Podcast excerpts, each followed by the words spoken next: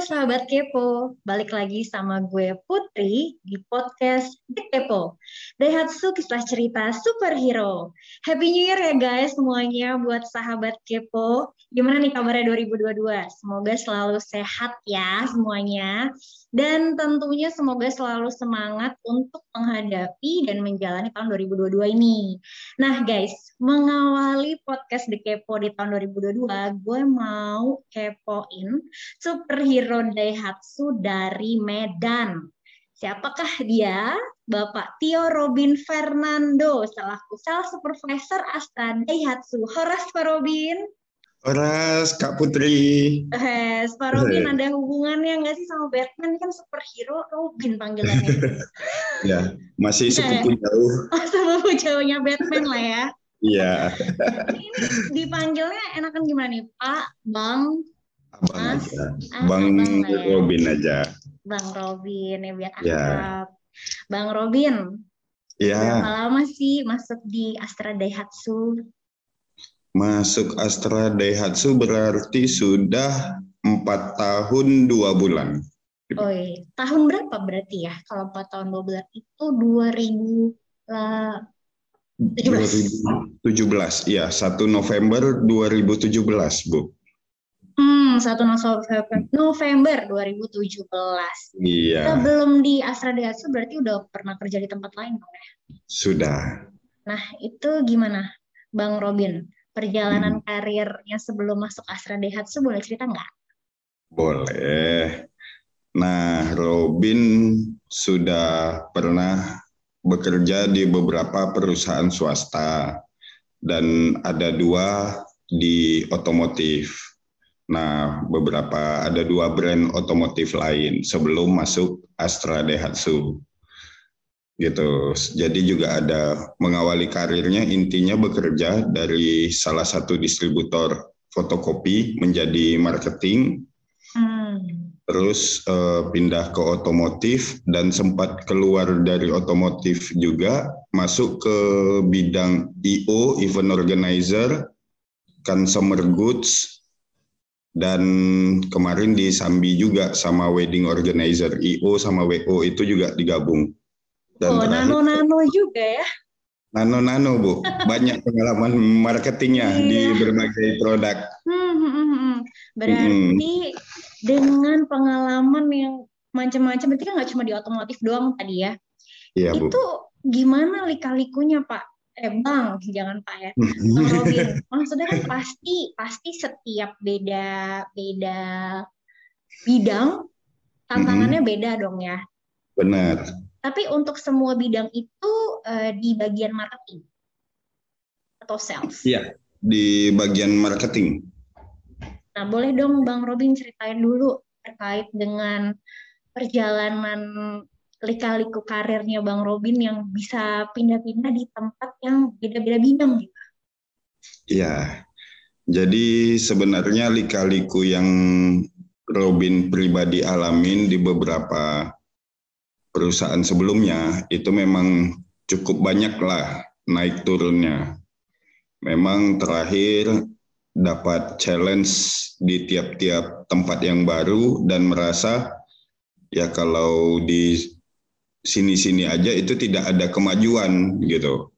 Jadi tidak ada perkembangan yang signifikan lah begitu ya. Jadi akhirnya keluar masuk ke beberapa ke perusahaan lain, keluar lagi, pindah lagi gitu. Jadi memang sempat naik terus turun, naik turun naik turun jadi akhirnya pindah-pindah pindah-pindah sampai akhirnya berlabuh di Astra Daihatsu. Hmm, terakhir ya ini.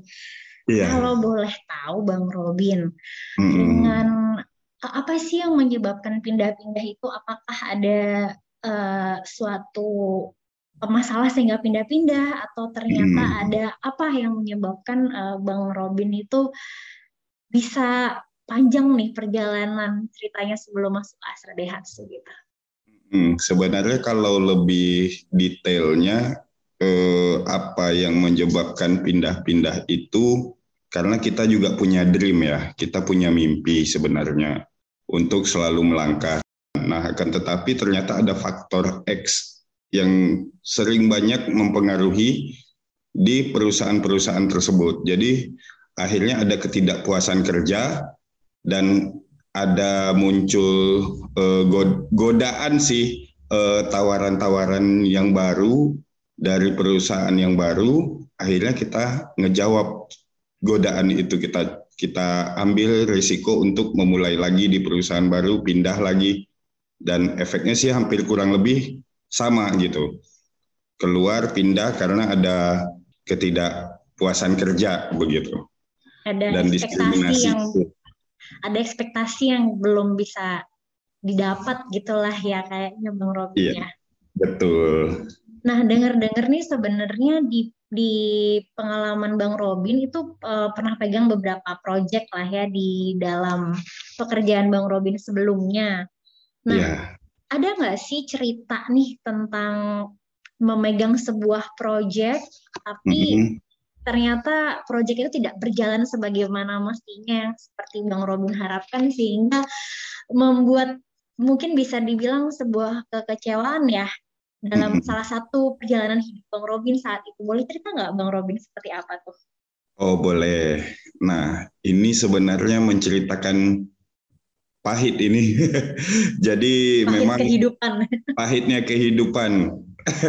Jadi terakhir itu benar Robin ada memegang sebuah project brand. Jadi untuk di project tersebut kita sebagai penanggung jawab juga, sebagai marketing juga, sebagai akunting juga, driver juga, jadi all in one. Jadi semua dibebankan ke satu orang untuk memanage itu. Palu nah, ada ya? Palu ya, ada. Ya, pokoknya one package lah Bu. Jadi pas saat itu memang terjadi namanya loss yang cukup signifikan. Jadi pada saat hmm. terjadinya loss ini memang langsung membuat Robinnya pribadi itu jatuh, jatuh sejatuh-jatuhnya. Sehingga terjadi beberapa bisa dikategorikan pinjaman yang cukup besar pada saat itu. Nah, di titik itulah memang sebuah kejadian memang yang kalau dikenang sih pahit, pahit banget. Dan akhirnya semua masalah itu datang dan menumpuk menjadi satu. Jadi memang wah nggak bisa lah ibarat katanya dunia sudah runtuh lah di pribadi Robin sudah hancur sehancur hancurnya semua sudah hancur. Tahun berapa itu Bang Robin? 2017.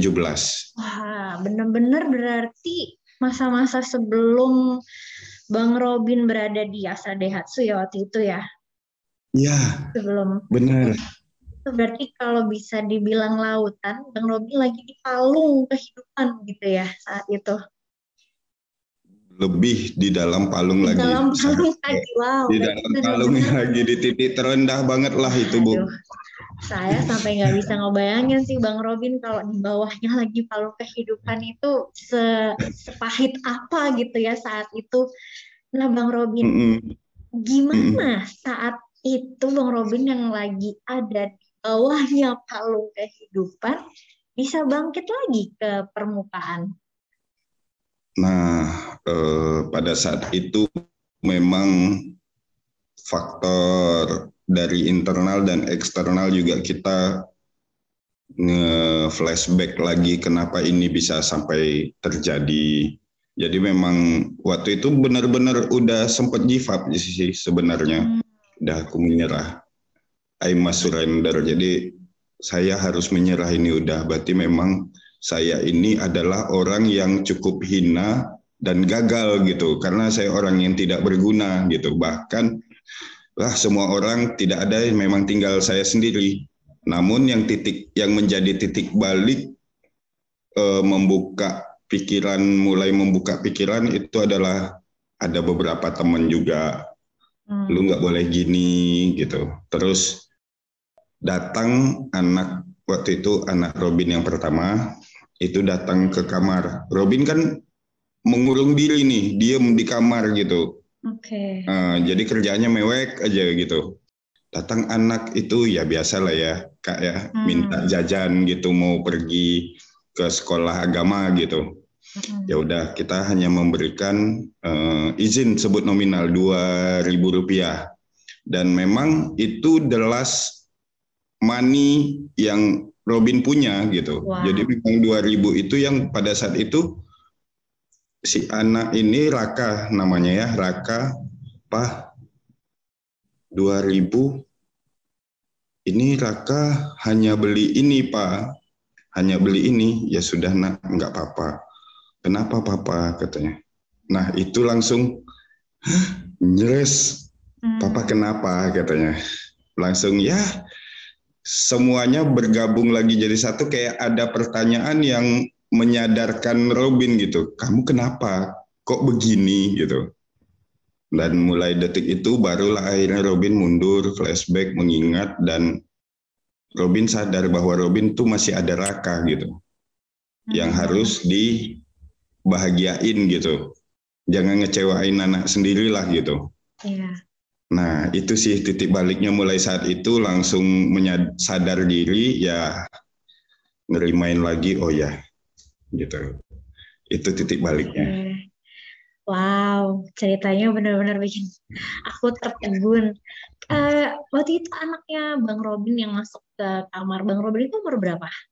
Umur kurang lebih pada saat itu dia masih tujuh tahun. Oke. Okay. Mm -mm. SD ya, berarti kira-kira ya. SD wow. kelas satu. Hmm, tadi kan Bang Robin bilang anak pertama, berarti Bang Robin saat itu lagi punya berapa anak? Masih satu pada saat itu. berarti memang masih satu. Sekarang masih yeah. satu? Sekarang tiga. Wah, alhamdulillah. Alhamdulillah. Rezeki. Wow, berarti benar ya, mungkin dibilang banyak anak banyak rezeki. Maksud dalam arti ketika anak Bang Robin masuk ke dalam itu malah membuat titik balik Bang Robin untuk akhirnya bisa bangkit lagi gitu yeah. ya. Jadi orang di sekitar itu memang ternyata penting ya untuk mensupport kita di saat kita di titik rendah gitu ya Bang Robin. Betul. Butuh nah, banget. Butuh banget. Nah, saat itu Bang Robin istilahnya bisa dibilang uh, aha momen ya atau di, disadarkan ya bahwa oke okay, harus bangkit karena uh, ada momen anak Bang Robin masuk ke kamar. Tapi kan pasti sebenarnya akhirnya Bang Robin beneran bisa bangkit dan melakukan sesuatu terhadap momen itu kan diri Bang Robin sendiri kan. Kalau boleh tahu nih uh, apa sih dalam diri Bang Robin yang kalau uh, sahabat kepo itu juga lagi di momen yang uh, rendah gitu atau kelam. Apa sih karakter atau dalam diri yang membuat kita bisa bangkit lagi gitu? Hmm. sebenarnya yang dari dalam diri itu lebih ke juga ada mental spiritual ya. Kita jangan pernah menyalahkan diri sendiri jangan pernah menjudge diri kita sendiri atas apa yang terjadi pada diri kita.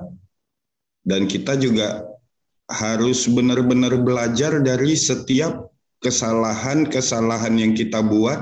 Selalu ada insight ada suatu pelajaran yang tersirat dalam setiap kejadian hidup kita ini. Memang mungkin pada saat itu kita hmm, bisa dikategorikan orang yang sangat malang sekali gitu. Udah kamu jangan nyalahin diri kamu, tapi inilah pelajaran yang diberikan agar kamu itu berubah menjadi orang atau menjadi suatu pribadi yang lebih baik lagi gitu. Jadi ubahlah kesalahan-kesalahan kamu yang di belakang untuk hidup di depannya gitu. Wow lumayan hmm. sangat menarik. Tadi Bang Robin aku paling terkesan pas Bang Robin bilang jangan terlalu menyalahkan diri sendiri. Itu yeah. benar sih. Aku sendiri kayak kalau lagi melakukan sebuah kesalahan, even kesalahan kecil kayak nyalahin diri sendirinya tuh bisa lama yeah. banget gitu ya. Iya. Orang lain aja berbuat salah kita bisa maafin, masa diri sendiri enggak. Iya. Ini menarik banget sih dan menerima kalau memang kita berbuat salah dan itu nggak masalah ya kita kan ya. benar Wow, thank you banget Bang Robin Siap. Uh, untuk ininya luar biasa. Nah, hmm. Bang Robin, setelah itu berarti dengan tadi beberapa karakter yang Bang Robin pegang dalam diri Bang Robin, hmm. Bang Robin bisa bangkit lagi. Nah, oh. setelah momen itu Bang Robin bangkit, Bang Robin itu masuk ke uh, Astra Daihatsu ya? Iya. Nah, kalau boleh diceritain uh, gimana tuh Bang Robin? Awal mulanya akhirnya bisa uh, masuk ke Astra Daihatsu atau ya tahu lah ada ada lowongan di Astra Daihatsu? Hmm, nah jadi kalau ceritanya lebih ke begini sih. Pada saat itu memang pada saat kejadian itu memang Robin akhirnya mengurung diri dan diem gitu. Tapi pada saat mulai mulai tersadarkan lagi, nah Robin mencari insight dalam cerita tersebut. Aku tuh sebenarnya ada passion itu di mana? Gitu. Sementara di background belakang kan sudah ada dua brand otomotif nih dan gagal. Nah, apakah aku harus menurunkan egoku atau aku tetap tapi aku menikmati sebenarnya di otomotif ini gitu. Hmm. Ya sudah, jadi akhirnya pada saat itu Robin cobain lamaran bukan ke Daihatsu justru. Ada sebuah brand lagi. Nah, okay. pada saat masuk ke brand itu, nah Robin eh, ngajuin lamaran, akan tetapi lamaran itu memang tidak dikasih ke teman, tapi melalui teman yang satu lagi. Nah, oleh karena itu teman yang baik, teman baik Robin ini ngelihat gitu, lu ngapain masukin lamaran ke sini? Nah, kenapa gitu? Ya udah lu tungguin di sana. Gua ke sana. Tungguin sejam lagi. Dan ternyata dong dia nemuin untuk memberikan bahwa dia resign per hari itu. Nah. Temennya bang Robin per hari itu resign? Iya. Oke, okay. ya, dari ini teman Astra nih ceritanya. Dia Enggak, bukan, bukan dari brand oh, brand, brand itu. Oke, okay, okay, nah, okay. nah, dia nyampein, Bin, lu sama gua sama lu sama dua sih gua sifatnya itu sama. Kita dulu saingan karena di otomotif yang sebelumnya oh, kami suka saingan nih gitu. Kami memiliki kemiripan sama-sama junior waktu itu sama-sama kejar-kejaran gitu. Okay. jadi lu sama gua sama. Lu jangan masuk sini. Percuma karena ujung ujung ujungnya lu akan bakalan sama gitu. Ya udah lu cobain itu ke Astra Daihatsu Panam Hmm, karena lu nggak dapat apa-apa di sini, lu nggak bisa nge-challenge diri lu. Karena gua juga udah nge-challenge, gua nggak dapat apa-apa juga gitu. Oh ya udah lu kasih Daihatsu aja. Ya udah pada saat itu juga Robin langsung nelfon temen yang di sana. Dia ban Robin telepon terus dia bantuin. Nelfon juga temen yang di Astra Daihatsu Panam. Bantuin dong si Robin mau ke sana. Nanti dia ngasihin lamaran nah nganterin lamaran besok ya udah Robin akhirnya mulai hari itu besoknya udah siap-siapin kirimlah ke Astra Daihatsu Panam masukin lamaran okay. gitu. Berarti waktu itu sebenarnya di tahun 2017 posisi Bang Robin itu di hmm. Pekanbaru ya? Pekanbaru. Oh oke. Okay. Dan hmm. tahu hmm. ada lowongan Astra Daihatsu Panam, Astra Daihatsu Pekanbaru Panam itu berarti dari teman? Iya dari teman. Oh, oh oke. Okay. Siap akhirnya hmm. masukinlah uh, lamaran di Asra Daihatsu Pekanbaru Panam menjadi hmm. marketing atau sales. Iya. Oke. Okay. Iya. Waktu hmm. itu gimana perasaannya Bang Robin? Uh, seperti memulai lembaran baru gak sih setelah sebuah kejadian sebelumnya terus akhirnya hmm. uh, diterima di Astra Daihatsu? Sebenarnya kalau dibilang memulai lembaran baru benar Bu, sambil menyeret-nyeret masa lalu. Bahkan ada sahabat, sahabat hmm. sih jatuhnya, itu mengatakan pakai kutip ya. Hmm. Lihat tuh si Koko senyum-senyum tapi dalamnya sakit itu. Kayaknya senyumnya palsu. Senyum doang dia di luar. Padahal wajahnya nggak bisa bohong, dia masih sakit itu hatinya. Sampai begitu pada saat awal masuk. Hmm, Oke, okay. tapi istilahnya ada secercah cahaya lah ya. Ya. itu. Itu pada saat ketemu sama Ibu Emma dan semua teman-teman di Asra Dehat Supanam, itu amazed. Wow. Wow. Wow, ini ini keluarga banget yang terjadi di sini. Wah, bahagialah ngelihatnya wow aja gitu pada saat Wow. awal masuk. Heeh. Bulu kuduku berdiri ngebayanginnya loh. Luar biasa. Kalau gitu karena luar biasa aku penasaran deh. Eh, Hmm. Bang Robin, berarti hmm, tadi kan dibilang bahagia serta harapan tapi masih ada sedikit eh, kekecewaan. Kalau boleh cerita yang yang eh, Putri tahu kan eh, pas masuk itu kita ada tiga bulan eh, probation kan ya di Astra Daihatsu dan kalau di bagian sales berarti kan waktu itu Bang Robin diterima sebagai Salesforce Daihatsu. Iya, Ada target kan kalau nggak salah harusnya. benar. Boleh cerita nggak awal-awal masuk eh, di Astra Daihatsu Pekanbaru Panam itu Mm-mm. gimana? Apakah Bang Robin langsung bisa achieve target eh, sebagai sales baru atau ada kendala? Oh, malahan eh, di bulan pertama itu nggak jualan sama sekali. Nah itu Ya. gimana tuh Bang Robin? Wah, itu pada saat itu tidak ada jualan sama sekali. Hmm? Walaupun memang ada istilahnya SPK ya, ada SPK 2, tetapi tidak bisa closing atau dijadikan angka untuk support cabang. Nah, pada saat itu memang kalau bicara target di bulan pertama nol. Nah, sementara dengan latar belakang yang Robin punya, itu ekspektasi yang diharapkan Ibu Emma sebelumnya itu seharusnya Robin itu bisa nyumbang angka gitu. Hmm. Nah, di sini di sini mulai setelah satu bulan November itu tidak jualan, pada tanggal 30-nya kan kita closing tuh. Ya. So, seorang ibu Emma itu mengatakan, nah ini mengatakan itu masih terngiang-ngiang sampai sekarang ibu. Jadi Bu, maaf saya tidak bisa berkontribusi bulan ini. Kenapa kamu harus minta maaf? Iya, saya tidak bisa memenuhi ekspektasi ibu. Memang saya punya ekspektasi sama kamu. Harusnya yang saya bayangkan itu tidak pernah salah, Robin. Cuma masih ada problem internal kamu yang belum selesai, yang masih kamu bawa-bawa. Dan kamu, saya yakin, saya yakin kamu bisa lebih dari ini, Robin, katanya. Memang saya nggak bisa berbuat apa-apa lagi karena hasil kamu tetap nol. Cuma kita kan bukan untuk ke belakang, Bin, ke depan. Kamu harus berubah di next bulan Desembernya, kamu jangan begini lagi. Kamu harusnya bisa lebih. Ayo, bisa. Udah, kamu nggak usah mikirin yang bulan ini sudah kejadian. Nggak bisa kita buat apa-apa untuk ngubah Ya. itu. Ya udah, kita coba ke kita Desember, kamu lebih lari lagi. Dan ada sahabat kebetulan udah jadi SS di Jambi juga. Nah, Oke. itu dia ngedeketin, sudah koko, eh, nggak ada masalah. Ya sudah, nggak usah dipikirin.